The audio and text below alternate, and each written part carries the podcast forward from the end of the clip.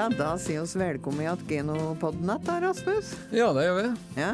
Denne gangen skal vi prate litt om gresset som skal dyrkes for å skape mjølk og kjøtt. Og det er klart at oss oss dyrkere har mye å si både for klima og økonomi. og Målet er jo at fôret til kuen skal være hovedsakelig produsert i Norge. Og her i studio er det som vanlig med Mari Bjørke i Geno og Rasmus Langere. Og gjesten vår i dag, hun er ikke i studio, men hun er med oss på telefon, så nå skal vi prøve det. Det er jo Ragnhild Borgsenius, som er fagkoordinator grovfòr i Norsk landbruksrådgivning. Sant, Ragnhild? Ja, det stemmer det. Takk for invitasjonen. Ja, velkommen hit. Ja, Ragnhild, eh, for å begynne litt med klimakalkulatoren. så Den er jo utvikla klimasmart landbruk. Og, og, nå er det et samarbeid mellom NLR og Tine om uh, å ta den i praktisk bruk. Kunne du først bare si litt kort om hva denne klimakalkulatoren egentlig er? Det er egentlig Det samler data fra kukontrollen og fra skifteplan og regnskap og fakturadata, sånn at du kan få gjort ei beregning på klimaavtrykket på ditt bruk. Og da egentlig så er det jo ikke noe fiksfakseri. Du får bare synliggjort klimaavtrykket. Men det er jo den vanlige eh, rådgivninga vi har drevet før, eh, som er fokuset som vi har. Og da handler det om å optimalisere drifta. Så vi regner det i CO2-ekvivalenter, men egentlig så er det godt dyrehold, god agronomi, høy ytelse per dyr, både når det gjelder melk og kjøtt. Høy ytelse, dvs. Si høye avlinger på dekar. Det er både gode økonomiske gevinster igjen for det, men så er det òg gode klimatiltak. Så det er litt viktig for meg å si at det er egentlig ikke noe nytt, men landbruket har sagt at de skal dokumentere sitt bidrag for uh, å redusere CO2-avtrykket. Og god drift er det samme som gode klimatiltak. Vi hører jo at. Ja. Hører jo at eh, mange er litt spente på hvordan disse slår ut på sin egen eh, gard. Har dere vært ute hos mange og kalkulert? Ja, eh, vi har eh, hatt eh, opplæring av 200 rådgivere, og da er det vel ca. 50 gårdsbruk som har fått lov til å bli testet, kalkulatoren har blitt testa av rådgiveren fra NLR og og det første inntrykket det er den røde søyla. Men ikke bli redd av den, altså. For man er nødt til å gå inn i kalkulatoren og se om tallene stemmer. Og så kan man gå inn og vurdere søylene. Og så er det litt sånn at jo flere som tar kalkulatoren i bruk, jo mer eh, sammenligningstall får vi. Og da er det mye lettere å vurdere eh, hvor god eller hvor eh, forbedringspotensialene er på dette bruk. Så nå i starten vil det være mye røde seiler, men det trenger ikke å bety at du har eh, versting i klassen eller noen ting sånn. Altså. Men, men Ragnhild, er det når det går ikke bare se på hovedsøylen, men går litt inn i det som ligger bak det, er det, er det en del bønder som blir litt overrasket over hva det er som gir utslag, eller er det på en måte litt sånn som de har forventet? Uh, mange har litt peiling, men så er de litt spent på hva er det som betyr noe i min produksjon. Så ja. jeg tror ikke de, det, verste, vet du hva, det viktigste som har kommet fram, det er ja, men det her er jo ikke noe nytt. Det her visste jeg jo. Men, så det, ja, men, så blir det, et fokus på hvordan skal jeg bli enda bedre i drifta mi. Mm. Men er det nå når det gjelder, det er jo avhengig av data her, er det på noen områder som det er at mangel på data er litt flaske, flaskehersen her for å få riktige beregninger, et riktig regnskap? Uh, nei, det begynner å fungere. Det er noen data som ikke fungerer. Og så vil jeg, og det er viktig for meg å presisere, veldig mange er skeptiske for regnskapsdataene skal være med. Men det er bare ikke så innmari mye ut av de regnskapsdataene. Og du trenger ikke å ha regnskapsdataene heller, du kan legge inn de tallene manuelt. Så veldig mange har en barriere, for de ønsker ikke å få blottlagt de der regnskapsdataene. Men du trenger ikke å ha med de regnskapsdataene. Du kan legge dem inn manuelt og likevel få beregning på kalkulatoren. Og det er ikke eh, Veldig mange har sagt at det her vil jeg ikke være med på. Jeg ønsker ikke å blottlegge mine regnskapstall. Men det er bare kun få tall som er med, og det er viktig å få poengtert. Mm. Så summa summarum er ikke dette her noe å var redd for, for noen? Nei, nei, nei, nei, nei. Jeg har tenkt at det er et lite spark i ræva for å bli enda flinkere i din produksjon du holder på med. Ja, ja. Det er en uh, utfordring. Du kan få bli litt uh, bedre på alt. Og da tenkte vi at med tanke på grasproduksjon, at vi kanskje skulle begynne litt med det som ligger onde i jorda. alt jordlivet. For det er vel mer enn bare å øke gjødselmengden som sikrer i større avling, antageligvis, Ragnhild? Ja, god jordhelse er grunnlaget for alt liv. Og i Norsk landbruksrådgivning så har jeg eh, introdusert et begrep som heter 'naken uten spade'. Og det at ingen rådgiver skal gå ut på et uh, gårdsbesøk uten å ha med seg spaden. Vi er nødt til å stikke spaden i jorda og se hvordan statusen er. Og Underbuksekampen var jo òg et ledd i økt fokus på ja, nå. Det er ikke sikkert alle har fått med seg hva det var for noe. Nå må du fortelle ja. hva det var. Da. Ja, da oppfordra vi eh, bønder i hele landet til å grave ned ei bomullstruse. Og etter tre måneder var den helt forsvunnet. Da er det et kjempegodt tegn, for det er masse jordliv. Og eh, mikroorganismene i jorda har brutt ned denne bomullsfibraen. Men var den ikke brutt ned på tre måneder, da er det et dårlig tegn. Kanskje kunne du gjøre tiltak for å øke jordlivet i jorda. Så egentlig så var det et lite ledd for å visualisere jordhelse og hva det betyr. Ja, Det var ikke noe dårlig idé, dette. Men hva, eh, hvis eh, det ikke ble noen nybryting av dette bomulla, eh, hva ville du rå vedkommende gårdbruker til å gjøre som punkt N da? Det å finne ut hva er årsaken. Det kan være at det er tett jord, kanskje det er behov for noe drenering. Det kan hende at du har et problem med pakking, at det er pakkeskade. Da blir det òg lite luft i jorda. Og det kan hende at pH-en er for lav. Kanskje skal du kalke. Da må du sjekke jordanalysene og få opp pH-en. Ja, er det vanlig? Gjør de aller fleste jordanalyser nå, så de vet eh, pH-en? Jordanalysene er obligatoriske, så det skal alle vite. Men pH-en er det veldig mange som har sluntra litt med. Og så er det litt sånn at i ei travel vårhånd så er du så stressa med å få frøet i jorda i det der lille korte tidsvinduet du har om våren. Og da er kanskje kalking salderingsposten. Men skal du ha høye grasavlinger, skal de grasartene du ønsker deg, som timotei, engsvingel, rødkløver, skal den trives, så må pH-en være riktig. Og jeg tror det er superviktig at grovfòrbøndene i hele landet har økt fokus på hva er pH-en. Ja. Ja, for uten, riktig, ja. ja. for uten riktig pH så er det egentlig litt Noe av den gjødslinga du gjør kan være litt bortkastet, og du får ikke noe effekt av det. Ja du, får, ja, du får redusert effekt av den.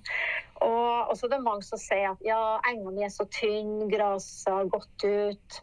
Og så skylder de på alt mulig rart, men egentlig så er det kanskje pH-en er for lav. Og da har du plantene ikke, har ikke det konkurransefortrinnet de skal ha for å bli robuste og sterke.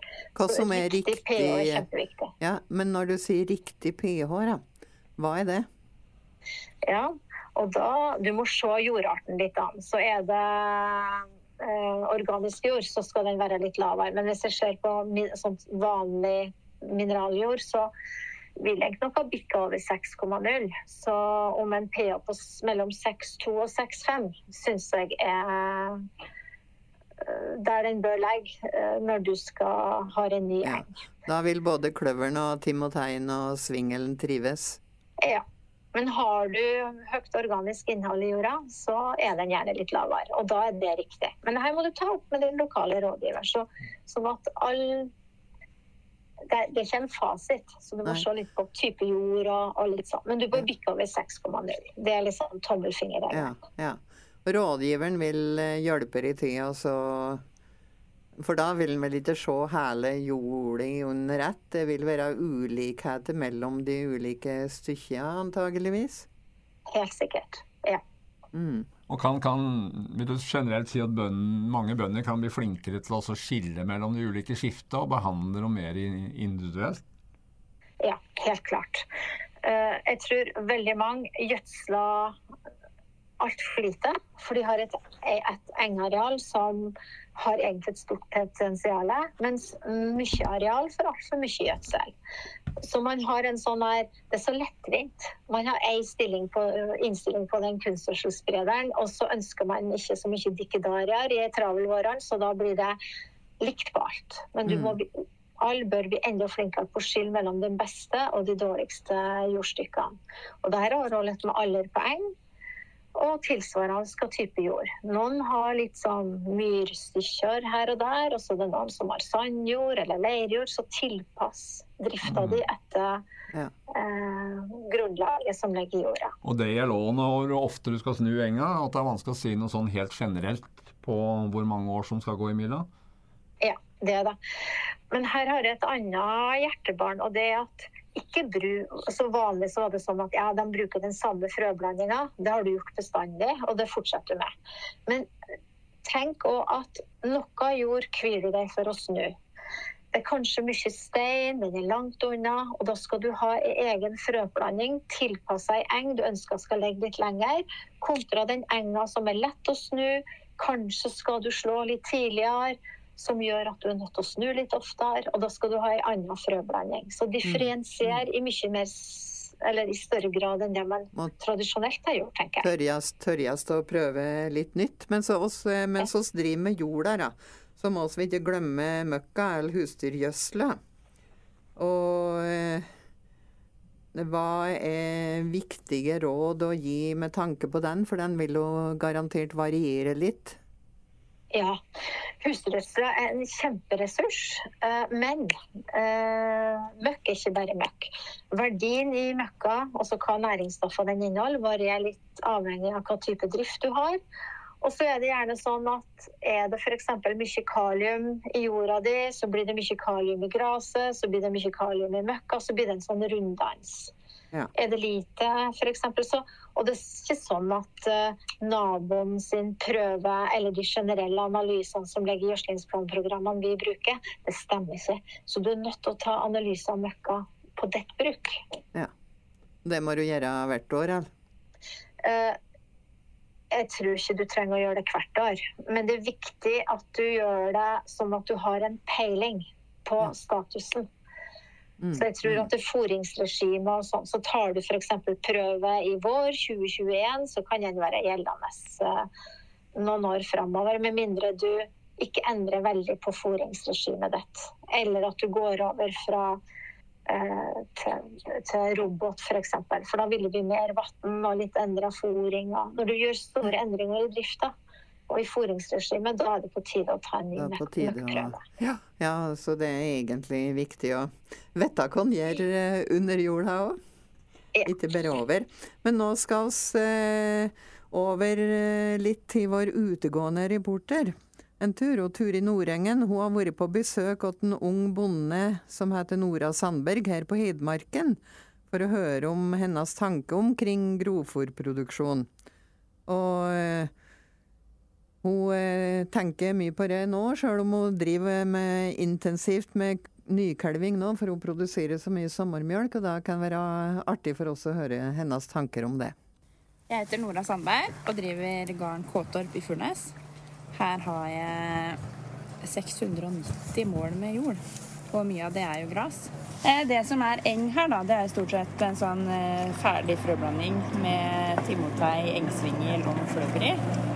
Og den eh, har vi liggende i tre år. Jeg blir litt sånn usikker fordi at jeg er så fersk.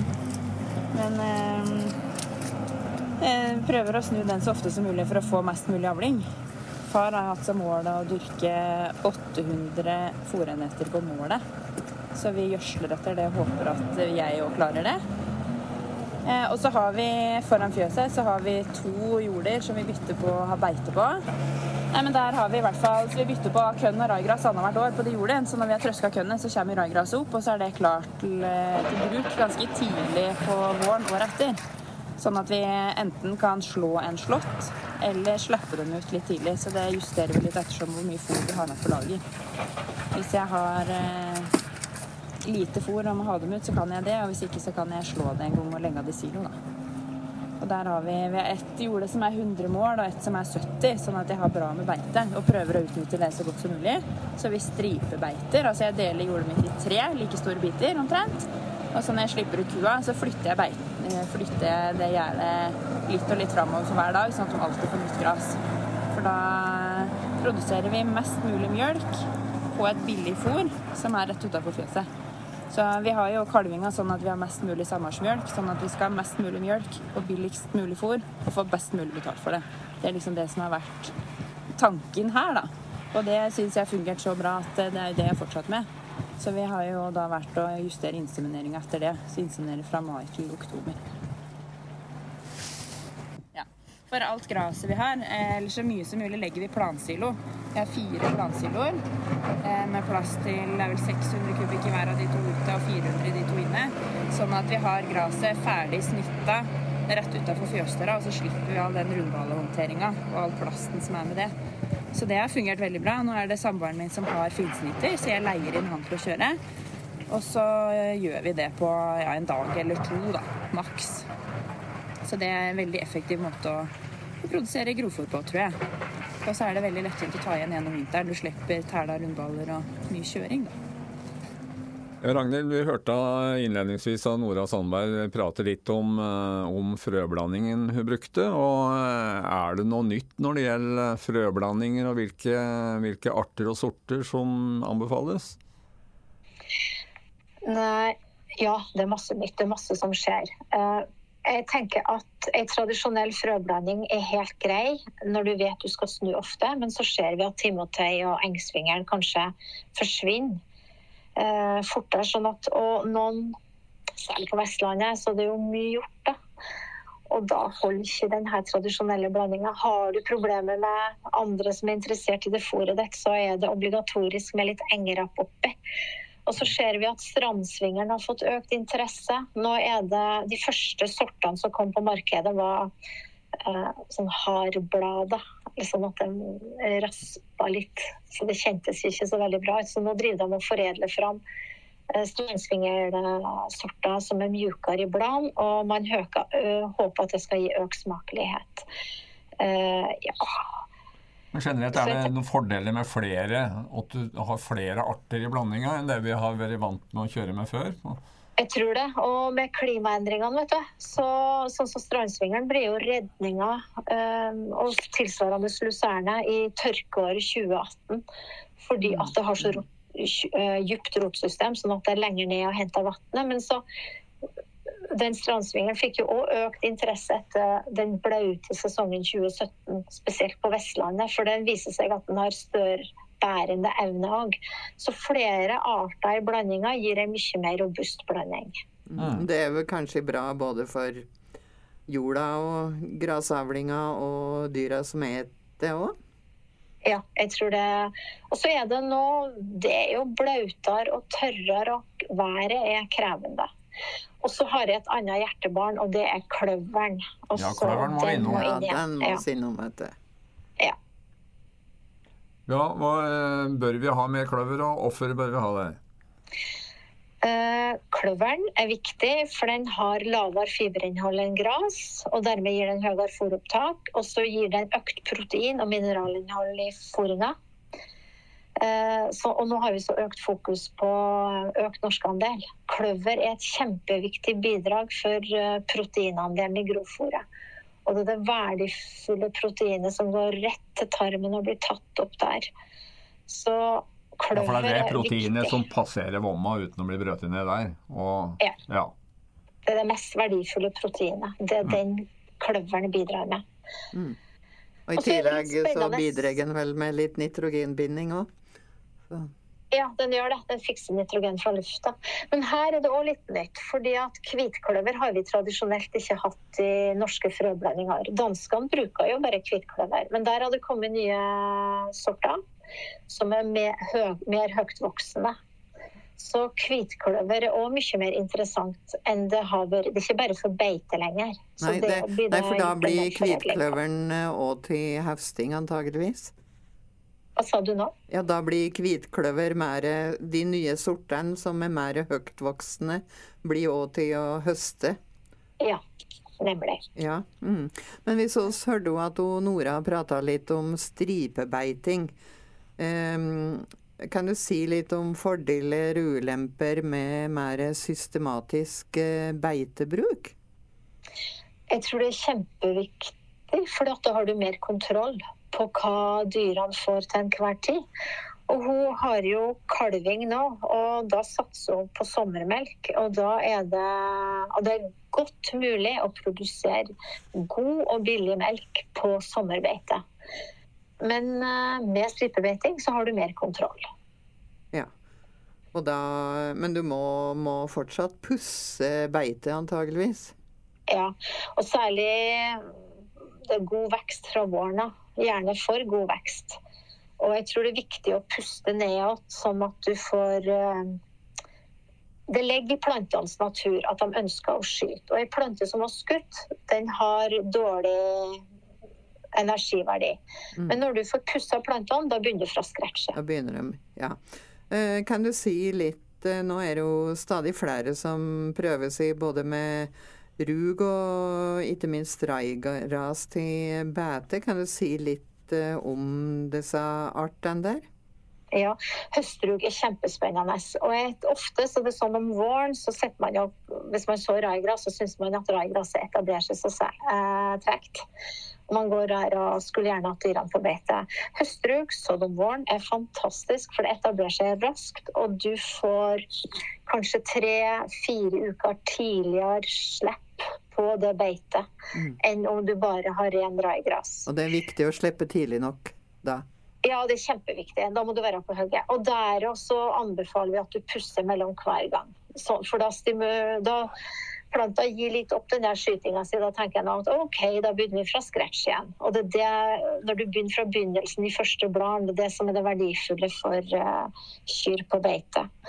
Og så har du da iblanda i den rugen eh, italiensk raigras, som da kommer som et skudd om høsten. Så når rugen har gitt helt opp, så er det raigraset som tar over.